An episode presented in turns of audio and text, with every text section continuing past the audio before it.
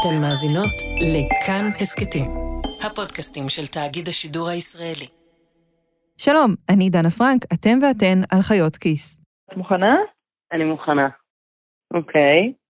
איך אני אציג את עצמי? זאת מיכל לויט. לפני כמה שנים היא חיה בעיירה קטנטנה בצפון איטליה, ממש קטנטנה, שנקראת ברה. למדתי בעצם גסטרונומיה באיטליה, וחייתי בעיירונת פצפונת קטנטונת ומקסימה למרגלות האלפים, שעה מטורינו. הכל היה מושלם. כמעט. בחורף היה ממש נעים, כי המבנים היו בנויים לעמוד בקור. אבל בקיץ... ימים ברמת השבוע של כזה 42 מעלות, חום אימים, וכמובן שאין מזגן. לא היה שום אמצעי כדי לשרוד את החום. לא היה מזגן בשום מקום. מיכל, שחיה רוב החיים במישור החוף בישראל, חטפה שם אקלים קשה ביותר.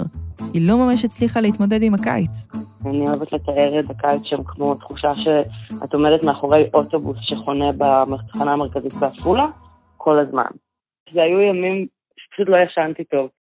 אז היה את השיטה של לשים אה, מגבת בפריזר ופשוט לשים אותה על הראש, אבל השיטה החביבה עליי הייתה להתקשר לאימא שלי לפני שאני הולכת לישון, ולבקש ממנה להדליק את המזגן, רק בשביל שאני אשמע כזה את הפיפ. ופשוט הייתי מדמיינת את המזגן דולק אצלי בחדר, אז זה היה מרדים אותי. אי אפשר להאשים את מיכל שהיה לה קשה להירדם בלי הרעש הזה. בריאיון למגזין טיים, אמר מנכ"ל של חברת מזגנים אמריקאית כי הילדים שלו כבר לא יוכלו לשרוד בעולם ללא מזגן. זה היה ב-1968. מאז הרבה טיפות נפלו על הראש של הרבה אנשים. אני מתכוונת למי מזגן, כי כולנו ממוזגנים. לפי נתוני הלמ"ס, בסוף שנות ה-90 כ-60% ממשקי הבית בישראל היו ממוזגים. ב-2018 היו מזגנים ביותר מ-93% ממשקי הבית הישראלים. בחלק מהערים כבר הגענו ל-100%. אז השבוע בחיות כיס נדבר על למה הגענו למצב הזה, ומה בעצם הבעיה איתו. למה שתהיה בעיה? חם, מדליקים מזגן. חמוצים של התקשורת. יש לי שתי מילים בשבילכם, חבר'ה. משבר האקלים. כן, כן, שמעתם נכון. אבל לפני כן, היסטוריה קצרצרה של המזגן.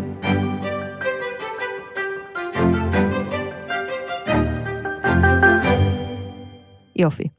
את המזגן המציאו בראשית המאה הקודמת ב-1904. המזגן זה המצאה שלא הומצאה עבור בני אדם. זה דוקטור אור אלכסנדרוביץ' מהפקולטה לאדריכלות בטכניון.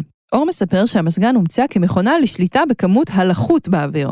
הלקוח הראשון שלו לא היה בני האדם, אלא המוצרים שבני האדם מייצרים ופגיעים ללחות. למשל סיגריות או ספרים. מרחתם פעם בטעות את הדיו בדף שהרגע הדפסתם? אז תחשבו כפול הוצאה לאור שלמה. כתוצר לוואי הבינו בדיעבד שהדבר הזה גם טוב לבני אדם, ועושה להם את החיים הרבה יותר נעימים. אבל זה לא משהו שבמקור יועד לשפר לך את התחושה. עבודת הדוקטורט של אור עוסקת בהתגוננות מפני השמש בבנייה בישראל. ובמחקר שלו, האלמנט הכי משמעותי הוא המוצר הממונע שכנראה מזמזם ברקע ממש עכשיו כשאתם מאזינים לי. אתם מבינים פעם, ופעם זה לא כזה מזמן, כשאדריכל היה ניגש לתכנן מבנה, הוא היה צריך לשאול את עצמו שאלות. למשל, מאיפה יגיעו קרני שמש בשעות הבוקר, הערב והצהריים, ואיך אפשר להימנע מלהרגיש כאילו את נצלית כשאת יושבת לתומך ליד שולחן העבודה שלך ב-11 וחצי בבוקר. כדי להתמודד עם האקלים, היו לאדריכלים כל מיני כלים בארסנל, תריסים למשל, או אלמנטים של אדריכלות מסורתית, כמו משרבייה, מין קיר מכוסה בפתחים שמאפשר כניסה מדורגת של קרני השמש. אבל בתחילת המאה ה-20 האדריכלים קיבלו קיצור דרך רציני. בהדרגה המזגנים עברו מאולמות תעשייה לאולמות תיאטרון וקולנוע. ב-1929 הקונגרס האמריקאי מוזג, ותוך כמה עשורים ספורים, עד אמצע שנות ה-50, המזגן הפך למוצר שקיים בבתים רבים. בארצות הברית מייחסים לתפוצה הרחבה של מזגנים את התרחבותן של ערים כמו אוסטין שבטקסס או לאס וגאס. אלו ערים גדולות, עם אקלים קשה מאוד וחם, וההתרחבות שלהן הייתה בד בבד עם חדירת המזגן לשוק. ובישראל, למרות השאיפה הציונית להיטמע בסביבה, החום היה מכה קשה מאוד. יש מספיק עדויות של אדריכלים ובונים ציונים בארץ ישראל, אנחנו מדברים על יותר מ-100 שנה, שהם סובלים מהחום. והם סובלים מהבניינים, והבניינים לא מתפקדים טוב. חם בלבנט, חם מאוד. האדריכלים ניסו להתמודד, אבל לא לגמרי הצליחו. ולכן, כנראה, מזגנים הגיעו לישראל די בהתחלה.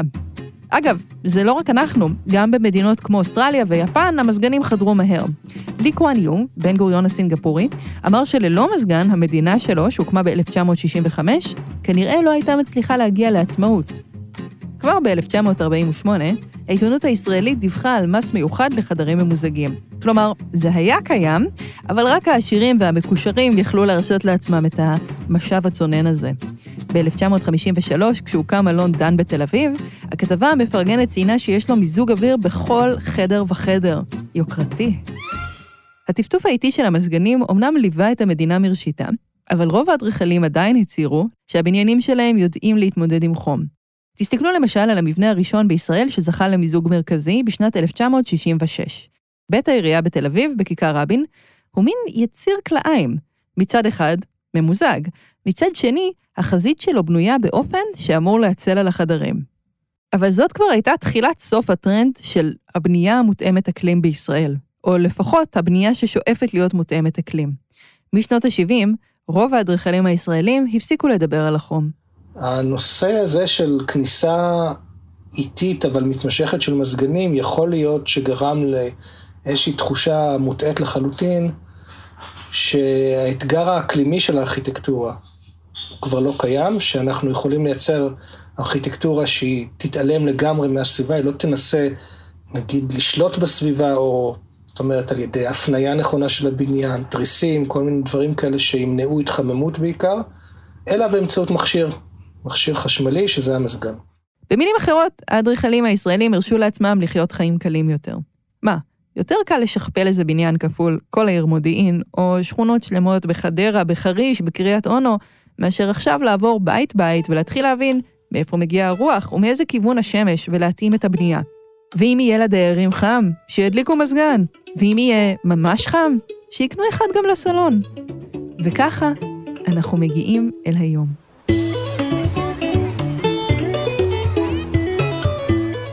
זה לא שבאמת צריך מזגן איתנו צמוד 100% מהזמן. בשבת האחרונה הייתי במסיבת יום הולדת בים. היה ממש חם, ואין צורך לומר שלא היה אף מאוורר בסביבה. אבל למרות שהטלפון שלי הראה את אותה הטמפרטורה שהראה כשהייתי בבית, היה הרבה יותר נעים. מתחת לסככה שהקמנו היה צל, והרוח מהים הזנה את השמש. ושם הבנתי, אלו הבתים והמשרדים שלנו שבנויים רע. רע מאוד. וזה עולה לנו ים בכסף. זה יום שאת הולכת לקנות מכונית, את רואה את הדירוג האנרגטי של המכונית, את גם שואלת כמה דלק היא צורכת לקילומטר נסיעה. זאת אומרת, יש לך איזושהי אינדיקציה שתדע מה המחיר הכלכלי לאורך זמן של שימוש ברכב שהוא יותר מזהם נגיד, או שהוא פחות יעיל מבחינה אנרגטית. בבניינים זה לא ככה. במקום לחיות בבתים שיודעים לקרר את עצמם פסיבית בעזרת תכנון חכם וחומרים מתקדמים, אנחנו ברובנו חיים בבניינים לוהטים. את מה שהקבלן חסך בעלויות תכנון וחומרים, אנחנו משלמים. לפי נתוני חברת החשמל, 44% מחשבון חשמל ממוצע ביולי-אוגוסט הם מחיר הפעלת המזגן. צריך לומר שזה לא רק בבתים. אנחנו מדליקים את המזגן באוטו, או ברכבת, או באוטובוס. אנחנו רבים על המזגן במשרד, רצים במזגן בחדר הכושר, או יוצאים לקניות ממוזגות בקניון. אין ברירה, שום מבנה שאנחנו שוהים בו לא תוכנן כדי להתמודד עם הקיץ הישראלי בלעדיו. ומפה לשם, משם לפה, 30% מייצור החשמל הישראלי הולך על מזגנים, רק כדי שלא יהיה לנו חם. אגב, המספרים דומים לעיר ניו יורק, שבה בגל חום בשנה שעברה ייצור החשמל קרס, ו-40 אנשים מתו מחום. חברת החשמל המקומית חילקה למשקי בית קרח יבש כדי לשרוד. אבל גם כשחברת החשמל לא קורסת מעומס, חשמל זה עדיין דבר יקר, ואחת הבעיות עם התמכרות למיזוג היא שלא כולם יכולים לעמוד במחיר. כאן נכנס מושג חשוב, עוני אנרגטי. אנחנו רגילים לחשוב על עוני במושגים של מזון, במושגים של מוצרים, אולי של דיור, אבל למעשה בתוך כל הרעיונות האלה גם מגולם עוד סוג של עוני. זאת דוקטור אורלי רונן. היא ראש המעבדה לחדשנות וקיימות עירונית בבית הספר פורטר ללימודי הסביבה ומדעי כדור הארץ באוניברסיטת תל אביב. אורלי אומרת שמאז שבני אדם חיים במעונות קבע, היו מי שיכלו להרשות לעצמם מעונות יותר עמידים לפגעי מזג האוויר, ופחות עמידים למזג האוויר. אם בימי תחילת ההתיישבות האנושית אנחנו מדברים על קש ולבני בוץ יותר איכותיות, אולי אפילו חלונות מזכוכית, ובימי הצנע אנחנו מדברים על מאווררים, היום זה כמובן מזגנים. ברבים. לתופעה הזאת אנחנו בעצם קוראים עוני אנרגטי, זאת אומרת זה חוסר היכולת לאפשר לעצמך מסיבות כלכליות תנאים אקלימיים אופטימליים, או אופטימליים ככל שהיית יכול לייצר באמצעים מלאכותיים. אחד האירועים המזעזעים מבחינת אי שוויון אנרגטי היה גל החום הקיצוני בצרפת בקיץ 2003. לצרפתים אין מלא מזגנים, והבנייה שם מותאמת בעיקרה לאקלים קר.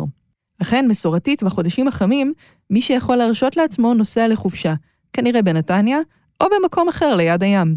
מי שנשארו בערים ובמבנים הלוהטים היו העניים, הבודדים והמבוגרים ביותר, שלא יכלו להרשות לעצמם להתרחק מהעיר, או להדליק מזגן, אם בכלל היה להם מזגן. France is on the defensive tonight over its handling of a staggering heat wave that has killed perhaps thousands of its citizens, many of them elderly. כ-15 אלף בני אדם מתו מחום באותו הקיץ בצרפת לבדה.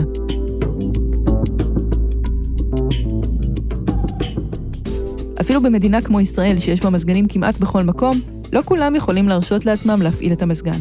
לפי דוח העוני האלטרנטיבי של ארגון לתת, קצת יותר מ-50% מנתמכי הארגון לא יכולים להרשות לעצמם חימום או קירור. 44% יכולים להרשות לעצמם להפעיל מזגן, רק לעיתים רחוקות. לפי סקר שערכה עיריית תל אביב בחודש שעבר, 25% מבעלי ההכנסה הנמוכה שנשאלו לא יכולים להרשות לעצמם קירור. וסביר להניח שבדוחות של השנים הבאות אנחנו נראה יותר ויותר עניים אנרגטיים. קודם כל, אנחנו בעיצומו של מיתון כלכלי שלא נראה כמותו כבר 40 שנה, וכנראה שפחות אנשים יוכלו להרשות לעצמם לשלם כדי לחיות במה שנקרא טמפרטורת החדר. דבר שני, כמות הימים החמים הולכת לעלות. מה זה הולכת? כבר עולה. כי ככל שאנחנו מוציאים אנרגיה כדי שלא יהיה לנו חם, אנחנו גורמים לזה שיהיה לנו חם יותר. וכן, אני מדברת על משבר האקלים. את התוצאות כולנו כבר מרגישים על בשרנו המיוזע. מציאות שבה הילדים שלי ושלכם יגדלו, היא לא המציאות שאנחנו מכירים. זה דוקטור בועז קידר, הוא מנהל מחלקת תכנון בר קיימא ואנרגיה בעיריית תל אביב-יפו.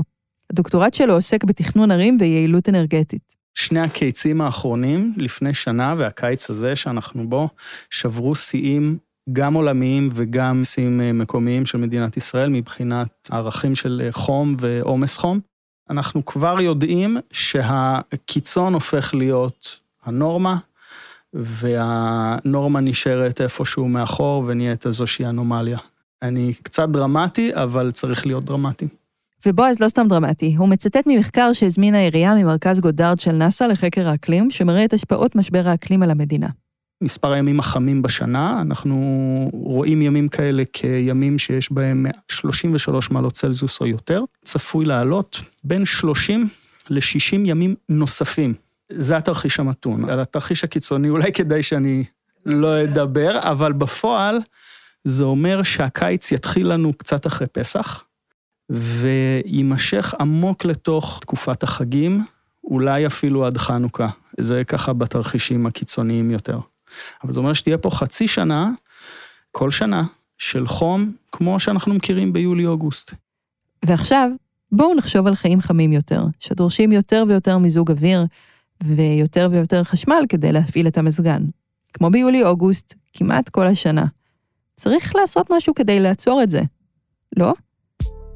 למעשה, בשנים האחרונות נבנתה מסה אדירה של דירות מחיר למשתכן, שאי אפשר לחיות בהן בלי מזגן. אלו בניינים שיעמדו במשך עשרות שנים, ורובם לא נבנו לפי תו התקן של בנייה ירוקה. הבניינים האלה לא יודעים לווסת את האקלים ללא חשמל, כלומר, כל מי שחי בהם יזדקק למזגן כאוויר לנשימה. ככל שבניינים נוספים כאלה ייבנו, וככל שמספר הימים החמים יעלה, העומס ימשיך ליפול על חברת החשמל לישראל. אם עכשיו אנחנו מדברים על 30 אחוזים, ייתכן שבעתיד חם יותר מזגנים ידרשו 50 אחוזים או יותר מייצור החשמל. זה הזמן לעשות שינוי פרדיגמה. למשל, בעזרת כלי שאנחנו כבר מכירים, תמ"א 38.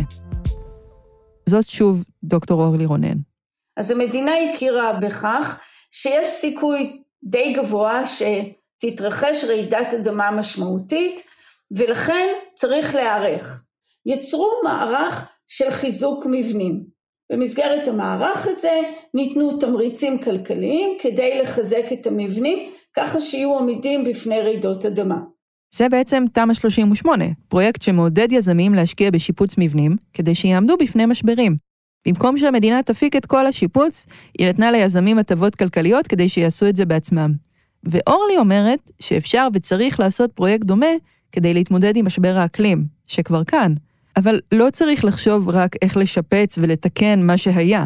אור אלכסנדרוביץ' אומר שצריך לחשוב על תנופת הבנייה הבאה. 50% מהבניינים שיהיו עוד 20 שנה עוד לא נבנו בישראל. בגלל העניין הדמוגרפי פה וגם האופן שבו היקפי הבנייה מתרחבים בישראל.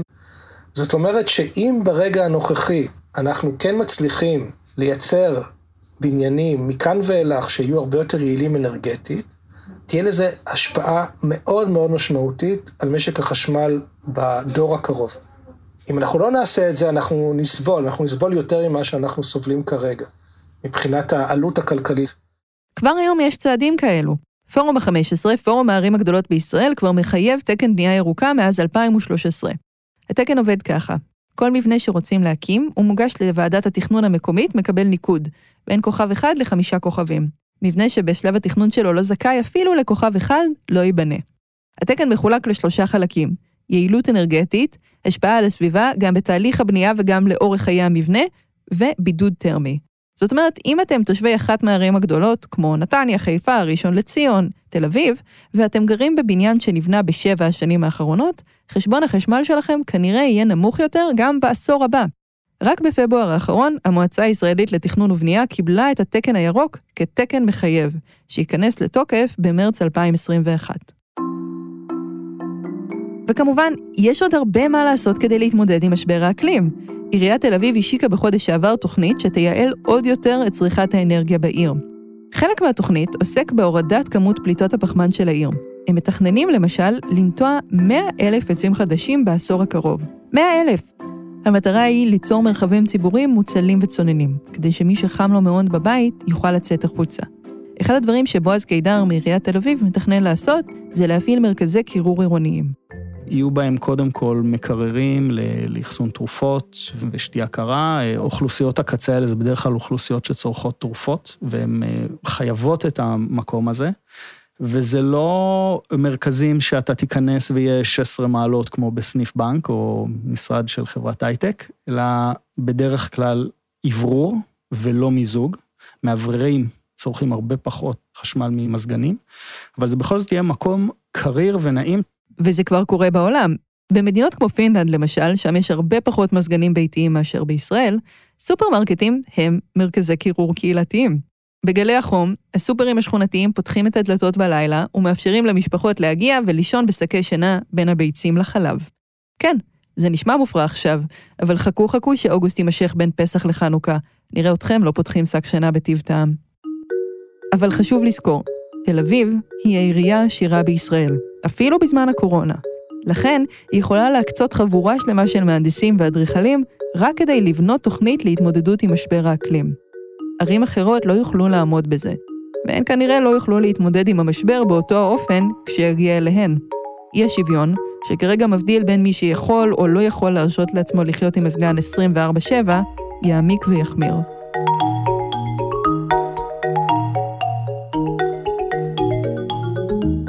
כששוחחתי עם מיכל לויט, שכמעט נמסה באיטליה, ושאלתי אותה אם היא מוכנה להתראיין לפרק, היא אמרה לי שהיא לא רוצה לצאת שונאת סביבה שלא אכפת לה מכלום, ורק רוצה שלה יהיה קר.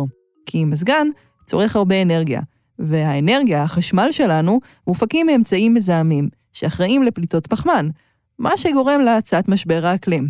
במילים אחרות, ככל שאנחנו מתאמצים למנוע את החום, אנחנו רק מחממים יותר. והאמת שהדאגה של מיכל במקום. אף אחד לא רוצה להיות כמו הדמות של תום יער בארץ נהדרת שמגיעה לפיקניק מודע סביבתית עם שקיות גדושות בכלים חד פעמיים.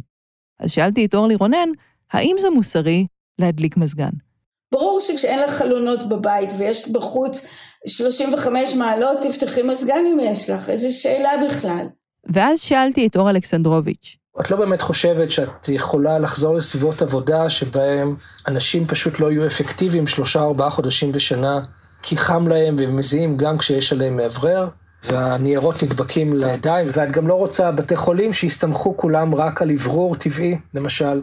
ובאמת, בניקוי כמה היפים שוואלה בנו לעצמם בית בוץ מתוכנן למופת מבחינה אקלימית, אין לנו ברירה אלא להשתמש במזגן. כבר התרגלנו מדי. מה שחשוב יותר זה שגם אם נצמצם את השימוש בחשמל ובדלק, זה לא בהכרח יעזור. 100 חברות ענק אחראיות ל-71% מפליטות הפחמן בכל העולם. לא משקי בית פרטיים. השינוי צריך להגיע הרבה יותר מגבוה.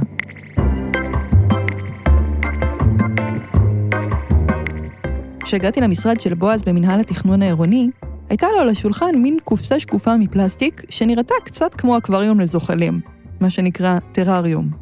הקופסה הייתה מלאה בחומר שחור ומסתורי, במרקם של צמר גפן דחוס. מעליו היו אבנים קטנות ומעליהן עוד מהחומר השחור המסתורי.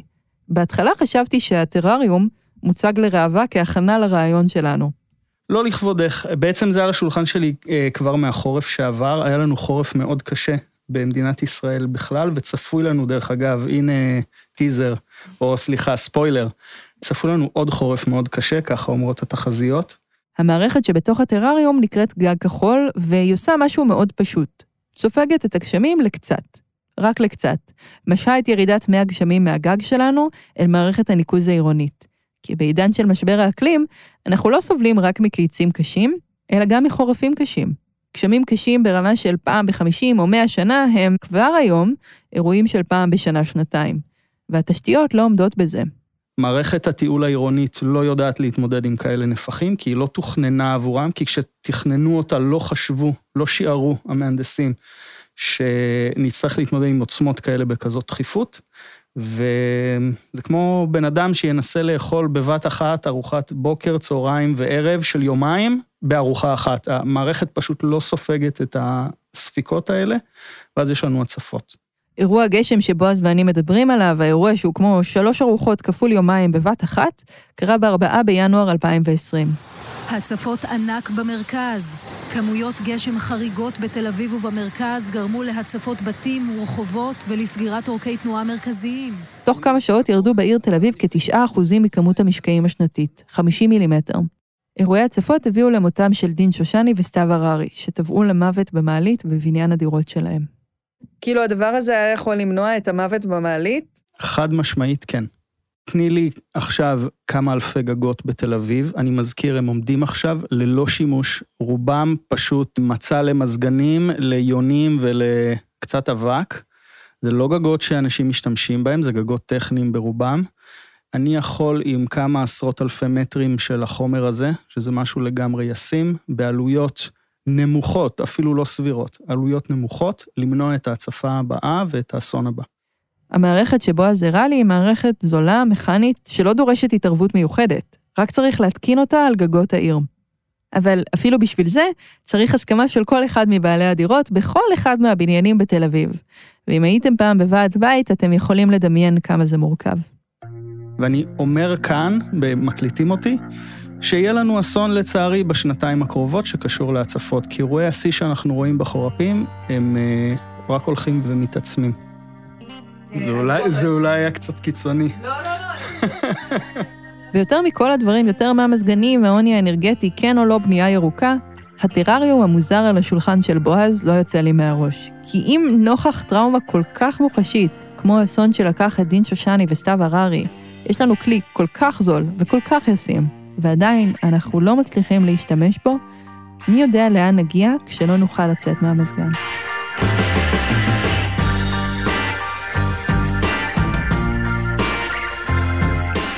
אתם האזנתם לחיות כיס. העורך שלנו הוא רומטיק ועורך הסאונד אסף רפפורט. בעריכה סייעה גם רחל רפאלי. במערכת חברים גם צליל אברהם ושאול אמסטרדמסקי. אם אתם כבר שנים רק עם מניפה, בואו לקבוצת חיות כיס שם בפייסבוק.